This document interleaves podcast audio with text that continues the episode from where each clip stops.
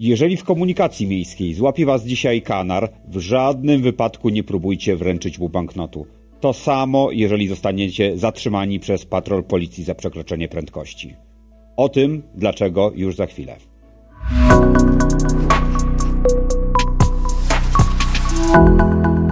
23 lutego to Międzynarodowy Dzień Bez Łapówki. Jak jest z tym łapówkarstwem w Polsce? No przecież od kilkunastu, prawie 20 lat działa w Polsce Centralne Biuro Antykorupcyjne. No więc chyba korupcja powinna być zdławiona już dawno, prawda? Nie jest. Niestety nie jest. Najnowszy raport pokazuje, że Polska jest w samym czubie Unii Europejskiej, jeśli chodzi o najbardziej skorumpowane systemy. Gorzej jest tylko na Węgrzech, w Rumunii i w Bułgarii. Autorzy tego raportu wskazują, że reforma sprawiedliwości nie tylko nie naprawiła sprawiedliwości, ale też zwiększyła mechanizmy korupcjogenne. Rząd podkopał praworządność i rządy prawa. Mowa tu oczywiście o poprzednim rządzie. Polska zyskała 54 punkty na 100 możliwych, jeśli chodzi o maksymalną E, korupcję także nie jest szczególnie dobrze. Najbardziej skorumpowane państwa na świecie to Sudan Południowy, Wenezuela oraz Syria. Najlepiej jest e, z kolei w Danii, Finlandii i Nowej Zelandii. Korupcja będzie się rozwijać, dopóki wymiar sprawiedliwości nie będzie w stanie karać za wykroczenia i trzymać rządów w ryzach. To słowa François Valerian, szefa Transparency International, autora raportu na temat korupcji. Żeby dług nie był równią pochyłą, to tytuł wywiadu z ministrą zdrowia Izabelą Leszczyną. Ministra już na samym początku została zapytana, czy żałuje tego wyboru, bo wiadomo, mówi się, że Ministerstwo Zdrowia jest to tykająca bomba. Żaden członek koalicji rządzącej nie chciał szczególnie brać się e, za tę pułapkę. Ostatecznie została tam wpakowana Izabela Leszczyna z Platformy Obywatelskiej. E, no i co odpowiada Leszczyna? Nie czuje się rzucona nad, na głęboką wodę bez umiejętności pływania. Rzeczywiście tych problemów jest e, dużo, jednak premier miał rację, uznając, że w tym resorcie jest potrzebny ktoś, kto rozumie zarządzanie finansami publicznymi. Jak się okazuje z dalszej części wywiadu, minister Leszczyna rozumie zarządzanie e, doskonale takim również e, sensie, że zamierza niektóre placówki, które po prostu są skrajnie nierentowne, zamknąć. Oczywiście e, nie mówi tutaj o zamykaniu, lecz e, mówi o restrukturyzacji. To słowo już od lat 90. brzmi, kiedy trzeba coś zlikwidować, mówi się, że to restrukturyzujemy albo przekształcamy. Między innymi pod nóż pójdą porodówki, w miejscowościach, gdzie rodzi się mniej niż jedno dziecko dziennie, takie dzieci będą zwożone do szpitali powiatowych. Więcej o zmianach e, w ochronie zdrowia. Dzisiejszy wywiad w magazynie Dziennika Gazety Prawnej już dzisiaj w kioskach. Frankowicze masowo wygrywają sprawy z bankami. Taki był rok 2023 i taki też będzie rok 2024. Frankowiczom pomaga wyrok Europejskiego Trybunału Sprawiedliwości w Luksemburgu. Banki rozpoczęły właśnie masową akcję wycofywania pozwów przeciwko konsumentom. W ostatnim roku aż w 97 procent przypadków zapadły wyroki korzystne na korzyść kredytobiorców. Liczba rozstrzygnięć wydanych przez sądy wzrosła o 106% w ciągu roku. To dzisiejsza Gazeta Wyborcza opisuje triumfalny marsz Frankowiczów.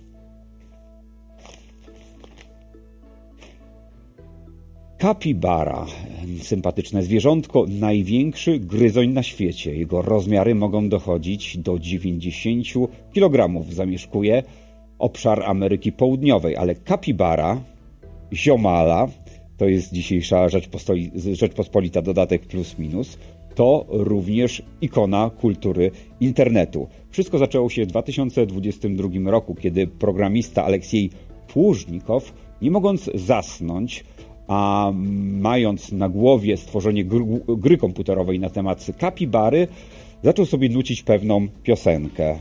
Z tego zrobił się już wkrótce hit internetu. E, kapibara jest e, wykorzystywana w różnych e, konwencjach, w poważnych, antywojennych, ale również w takich zwykłych rytmicznych przygrywkach do autobusu. Kapibara stała się również ikoną lewicowej młodzieży z Ameryki Południowej, a dokładnie z Argentyny. E, gdyż e, kilka lat temu luksusowe osiedle 30 km od Buenos Aires zostało zaatakowane przez e, kapibary. Kapibary miały sobie za nic postawione zasieki, grabiły, mąciły, wdarły się na posesję, zabrudziły odchodami trawniki, zniszczyły instalacje elektryczne oraz niektóre nawet pokąsały psy mieszkańców. E, dlatego też dla lewicowej młodzieży w Argentynie kapibara stała się symbolem walki z klasizmem, nierównościami społecznymi i gentryfikacją. To dzisiejsza Rzeczpospolita, dodatek plus minus. Wracamy jeszcze na moment do portalu Infor, bo tam odpowiedź na pytanie, które e, być może wielu z Was sobie zadawało, bo niedawno pojawiła się informacja o nowym ministerstwie. Ministerstwo Równości. Powstało e, pod batutą Katarzyny Kotuli z Lewicy, ale czym tak naprawdę się zajmuje to Ministerstwo Równości? Temat ten wziął pod lupę Piotr Szymański, redaktor portalu infor.pl. Dowiadujemy się, że kompetencją Ministerstwa Równości jest stanie na straży realizacji polityki rządu w zakresie problematyki przeciwdziałania dyskryminacji. Mówimy tu o dyskryminacji względu na y, wiek, tożsamość płciową, rasę i tak dalej, podejmowanie różnych inicjatyw na, też, na rzecz promowania tej równości. Natomiast warto zwrócić uwagę, że mamy tutaj do czynienia z równością wyłącznie w ujęciu e, społecznym czy obyczajowym, natomiast nie ma tutaj równości w ujęciu ekonomicznym. Minister Równości nie może wydawać rozporządzeń, e, bo nie kieruje żadnym działem administracji rządowej, lecz jedynie realizuje zlecenia w danym temacie. No i na końcu najważniejsza informacja, że mamy ministra równości, czy w tym wypadku ministra, natomiast nie ma Ministerstwa Równości, gdyż e, wszelką obsługę zadań e, tego resortu, który nie jest resortem, wzięła na siebie kancelaria prezesa Rady Ministrów. Także tak naprawdę Ministerstwo Równości pozostało takim medialnym sloganem, pewnie służącym temu, żeby zaspokoić pewne ambicje koalicjanta. A teraz łączymy się z Łodzią, gdzie jest redaktor Infor.pl Małgorzata Masłowska. Witaj serdecznie, Małgosiu. Witam. Elastyczna organizacja czasu pracy to taka nuta, która pobrzmiewa coraz częściej, jeśli chodzi o dyskurs o stosunkach e, pracy. Czy mogłabyś wyjaśnić, co to dokładnie jest ta elastyczność e, organizacji czasu pracy?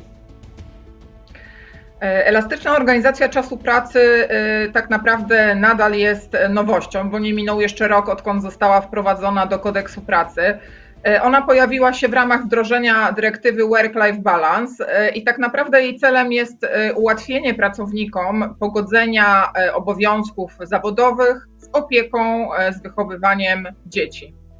Mhm. A I czy każdy przysługuje... pracownik ma prawo do takiej elastycznej E, elastycznej formy organizacji czasu pracy, czy przysługuje ona jakimś konkretnym pracownikom?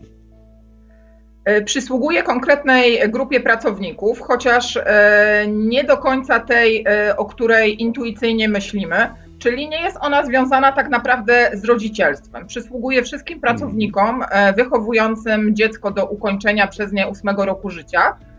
Czyli tutaj kwestia pokrewieństwa nie ma znaczenia, natomiast prawo do tej organizacji czasu pracy mają E, wszyscy pracownicy, na przykład związani z dzieckiem, e, więzami e, opieki prawnej.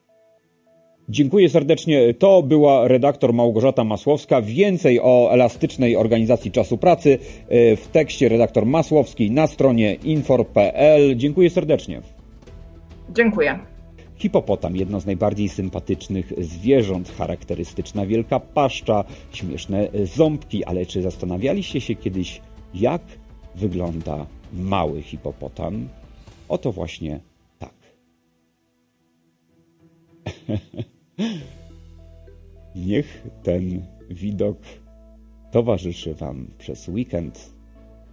A ja się z Państwem żegnam. Piotr Nowak. Prowadziłem przez cały ten tydzień dla Państwa poranny przegląd prasy i przypuszczalnie będzie tak w przyszłym tygodniu, choć być może szykują się też drobne zmiany Kłaniam się i do usłyszenia już w poniedziałek.